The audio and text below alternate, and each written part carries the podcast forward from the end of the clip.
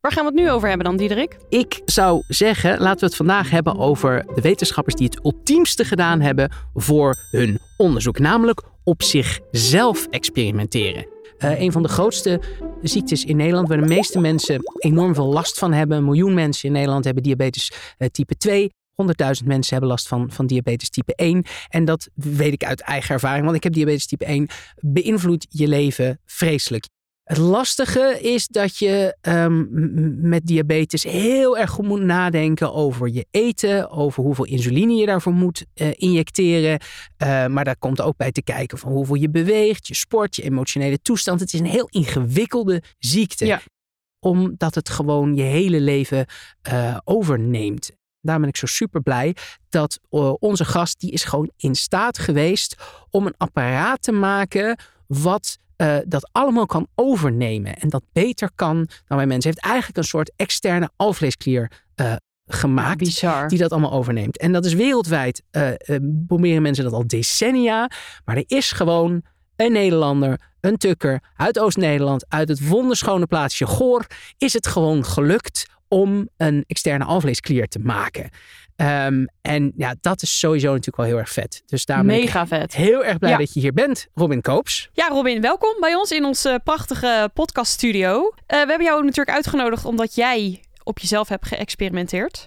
Kun je daar wat meer over vertellen? Ja, het is al een hele tijd terug. In 2003, 2004 praten we over, zeg maar. Toen had ik ongeveer een jaar of tien suikerziekte.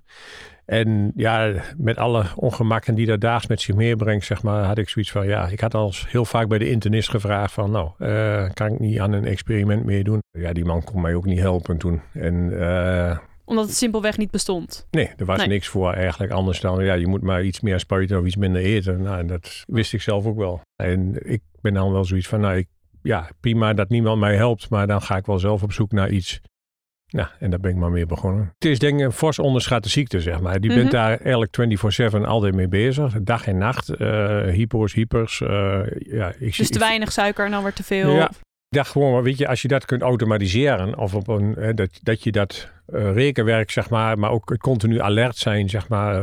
hoe je je voelt. Als je dat een beetje los zou kunnen laten... dan dat zou enorm veel schelen. Want als gezond mens loop je ook niet op straat... en denk van, oh, wat zou mijn suikerwaarde nu zijn? Of ga ik omlaag of omhoog? En toen stond ik al echt een keer op een avond gewoon voor de koelkast. En toen dacht ik van ja, als ik iets wil regelen. En als je temperatuur wilt regelen, moet je warm en kou hebben. Niet alleen warmte. Dus, dat, dus ik denk, nou ik heb insuline, gaat omlaag. En toen zag ik glucagon eigenlijk in de koelkast, waar ik eigenlijk nooit gebruikte zelf. Wat heeft dat voor een rol in, in Ja, het zit dus, dat wist ik toen allemaal niet. Maar inmiddels weet ik dat dat gewoon, hè, dus je, in je alvleesklier zitten cellen. En die cellen produceren insuline, maar ook glucagon, zeg mm -hmm. maar. Dus alpha-beta cellen. En de beta-cellen maken insuline, alpha-cellen en glucagon. En door die auto-immuunziekte waar diabetes is, valt, valt die functie van die cellen uit. En dat moet je dus dan zelf gaan doen. Dus, dus jij dacht een beetje van, goh, uh, het, het, is als een bad dat je op temperatuur wil houden. En ik, ik giet er gewoon warm water of koud water in. Ja. En dan heb ik een thermometer nodig. Exact. Uh, en hoe moeilijk kan het zijn? Ja, exact. Ja. zo, zo, is het ook. ja, want ja, insuline maar, en glucagon zijn dus de twee hormonen die jouw suikerspiegel op peil houden. Normaal Tenminste, wel, normaal gesproken ja. wel. Als ja, de een omlaag en de andere omlaag. Precies, precies. Dus dat zijn de twee uitersten die je nodig hebt om dat evenwicht te kunnen bereiken. Exact. Dat gaat bij gezonde mensen ook zo. Alleen dan ben je er niet mee bezig. Nee. Dus dat, uh, en, en in normale diabetesbehandelingen hebben ze alleen maar insuline. Maar dus, het klinkt ja. heel simpel nu. Waarom is het nog nooit een bedrijf wereldwijd ooit gelukt wat dat betreft? Ja, ik denk dat heel veel bedrijven zeg maar, toch ook bezig zijn met wat ze op dit moment hebben. Zeg maar, en, minder vooruitkijken. Zeg maar. Risico's zitten ook risico's aan natuurlijk. En plus bedrijven kunnen veel minder snel ontwikkelen dan ik dat zelf kan. Eh, ik kan iets maken en op mijzelf testen. En een bedrijf die kan iets maken en die moet vervolgens dat hele, het hele dossier uit gaan werken. Dan moeten langs medisch-ethische commissies. Dan moet je patiënten vragen en dan moet je dat allemaal gaan. En als dat niet goed is, kun je weer opnieuw beginnen. Dus dat is een heel ander proces.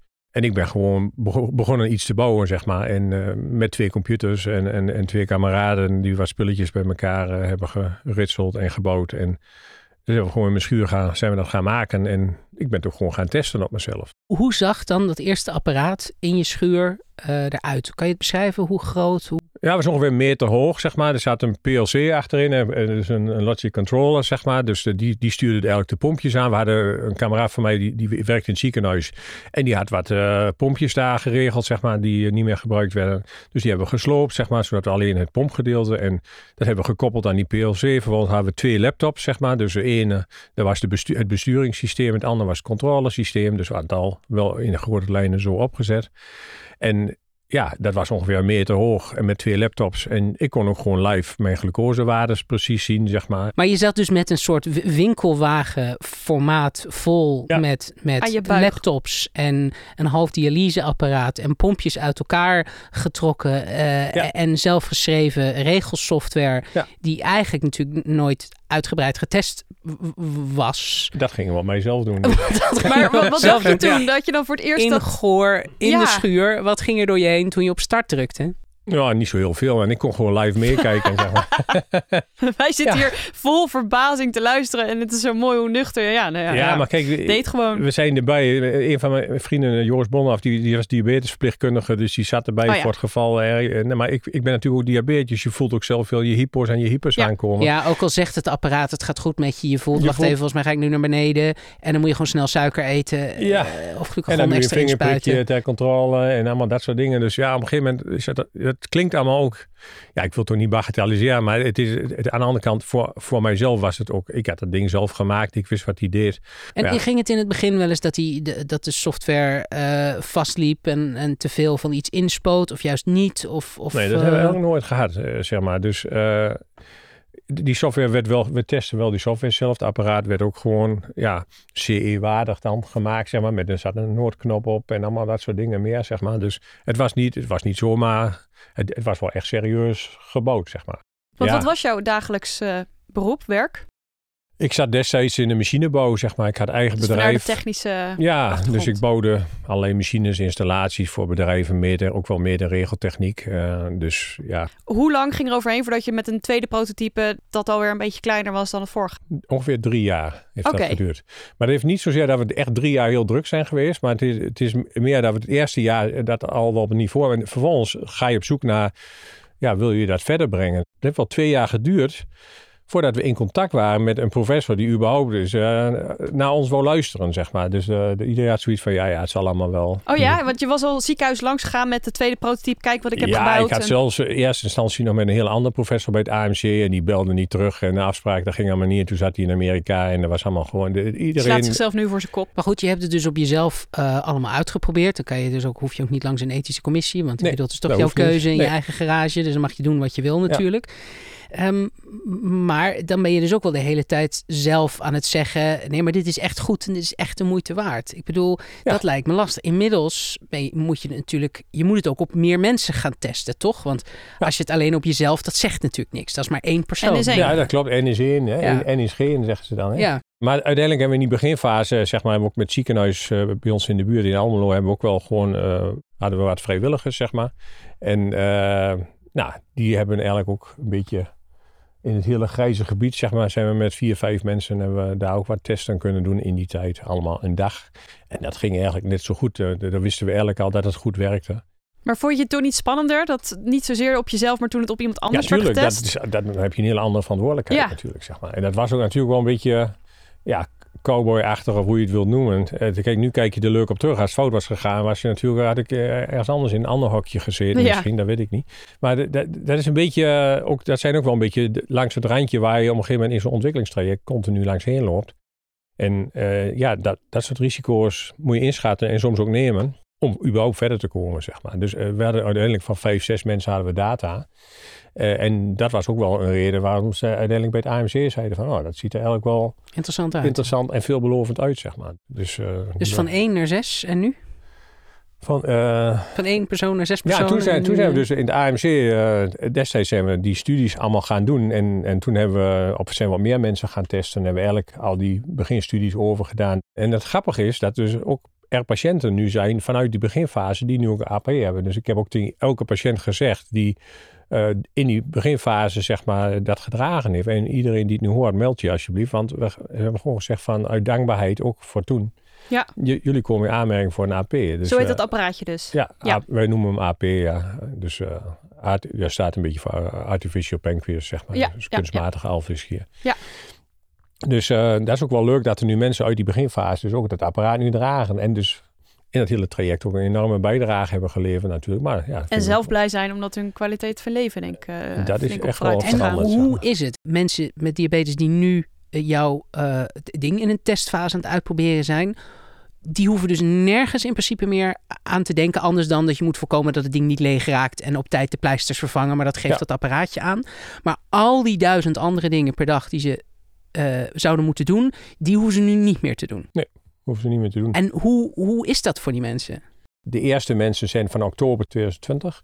Wat je daarvan terugkrijgt is dat de mensen halen eigenlijk allemaal hun behandeldoelstelling. Dat scoringspercentage zit op dit moment op 96% En dat zijn gewoon internationale behandeldoelstellingen. Dat heeft te maken met time in range, HbA1c, LA, dat dat zijn de gemiddelde glucosewaardes. Maar ook de time above en below, zeg maar, hypo's, zeg maar. Daar heeft de medische wereld ooit van gezegd, als dat onder een bepaald niveau zit, dan zijn we allemaal heel erg blij. Want dan is die kans op dat je later, zeg maar, daar echt nadeel van ondervindt, is gewoon heel erg klein wat je dan vaak ziet, als je dat zou kunnen halen, zeg maar, als je dat zelf doet, en dan weet jij misschien ook wel, dan ben je daar eigenlijk zoveel mee bezig dat je amper tijd hebt om te werken, zou ik haar zeggen. Dan gaat je kwaliteit van leven dus enorm achteruit. En die meten hebben we dus ook gemeten over die periode. En dan zie je dat als mensen dus vanuit hun oude ziekte in die studie komen, en dat doe je met gevalideerde vragenlijsten, dat zijn gewoon wetenschappelijke onderzoeken, dat je het echt kunt meten, hè. dan zie je dus dat die, die burden, de last dat mensen van die ziekte hebben, bij de aanvang was dat ergens iets van 33, dat is een score, zeg maar. Die burden moet dus zakken, want dan stijgt je kwaliteit van leven. En nou, bij een aantal studies zie je wel eens dat er een paar punten afgaat, dan dat het naar 30 gaat of zo, weet ik veel, iets in die geest. Maar bij ons zit op dit moment echt op 10. En Dus, dus, Dus dus- met een soort van 23 punten. Verbetering in je Eh, levenskwaliteit. ja, precies. Ja, de belasting is, Ja, is eh, minder. 23 dat is echt Veel minder. gigantisch, Ja. zeg maar. Ja. Dus dat, dat, daar moet je eigenlijk zien dat je kwaliteit van leven eh, twee tot drie keer ver- verbetert, zeg Ja. maar. Ja. Dus En En, en de normale waarde zit ergens op iets van 20 uit mijn hoofd. Dus daar zitten we nog ver onder, zeg maar. Dus Ja. we- dus ja, nou goed. Dus dat is een beetje de. Daaraan kun je zien, los even van dat de behandeling goed werkt, maar dat mensen ook er zelf heel blij mee ja, zijn. precies. Ja. Ja. Ik kan me voorstellen dat het je nooit compleet loslaat. Maar volgens mij kun je nu veel makkelijker bepaalde dingen doen, bepaalde dingen eten, zonder dat je ook er, oh, oh, ik moet. eh, Ja, dat is dus bijzonder. Wat, je dus eigenlijk ziet. Je, los in dat, dat, je ziet, dat je ziet dat in, na drie maanden in één keer. Hè, dus al die patiënten naar een bepaald niveau gaan. Zowel kwaliteit van leven. Dat, dat zakt in de loop der tijd nog verder weg, zeg maar. Of dat stijgt nog meer. Die burden zakt weg. Maar eh, je ziet dus echt dat eh, na drie maanden, zeg maar, dat die cijfers allemaal ja, binnen de marges zitten, zeg maar. Dat is al heel mooi om te zien. Maar dan vervolgens gaan mensen natuurlijk ook gewoon hun leven Ja. veranderen. Ja. En dan zie je dus dat, dat, dat, dat die getallen over de termijn, eh, zeg maar, die drie kwart jaar nog steeds verbeteren zelfs, zeg maar. Ondanks dat ze dan wel in één keer pizza's eten en pasta's gaan eten en gaan hardlopen en ook echt het gevoel hebben van ik kan sporten nu, Ja. zeg maar, dus ik ga het ook maar doen. Wat voor mij misschien heel normaal eh, is, maar voor jullie echt wel Ja. eh, dat je dat weer kunt. Maar Robin, ehm, ongeveer 2% van, van de uitgaven voor de ziekenzorg heeft te maken met complicaties voor diabetes in Nederland. Wereldwijd hebben vele honderden miljoenen mensen eh, he- hebben het. Het is een apparaat wat, wat, wat voor heel veel mensen potentieel hun leven totaal kan veranderen ten positieve. Ja. Ik bedoel, had je in 2005 rond die tijd eh, dat je met je maten bezig was, het idee dat het zo zou gaan? Of Nee, helemaal niet. We waren gewoon bezig. Het was ook een stukje hobby en eh, gewoon een uitdaging. En daar zijn we eigenlijk nooit mee bezig geweest, zeg maar, met eh, van hoe groot kan iets worden of weer. Dat interesseert ons eigenlijk helemaal niet. Wat we doen, willen we gewoon goed doen. En ja, dat, is, dat doen we nog steeds. En jongens zijn nog steeds bij ons werkzaam en eh, met inmiddels veel, veel meer mensen. Maar ja, dat is gewoon de uitgang. Het gaat erom dat, dat het goed werkt, zeg maar. Je hebt gewoon een, een, een farmaceutisch bedrijf begonnen om de wereld beter te maken. En dat zou ehm, Ja, meerdere. als uitdaging. eh, Best wel nou, in eerste instantie gewoon ook voor mezelf, om heel eerlijk te zijn. Gewoon van, nou, ik, ik, eh, weet je, ik, ik Ja. wil kijken of ik dat onder de knie kan krijgen. En als me dat lukt, nou, dan het zou mooi zijn als veel mensen ervan kunnen mee profiteren, zeg maar. Leuke puzzel, het kan jouw leven enorm helpen. En Ja. dan is het toch ook prachtig als je ook anderen kan helpen. Ja. Exact, exact. Dat is de insteek. Ja. Hele mooie instelling. Nou, wijs bedankt Robin. Ja, Hartstikke bedankt. Graag gedaan. Ja.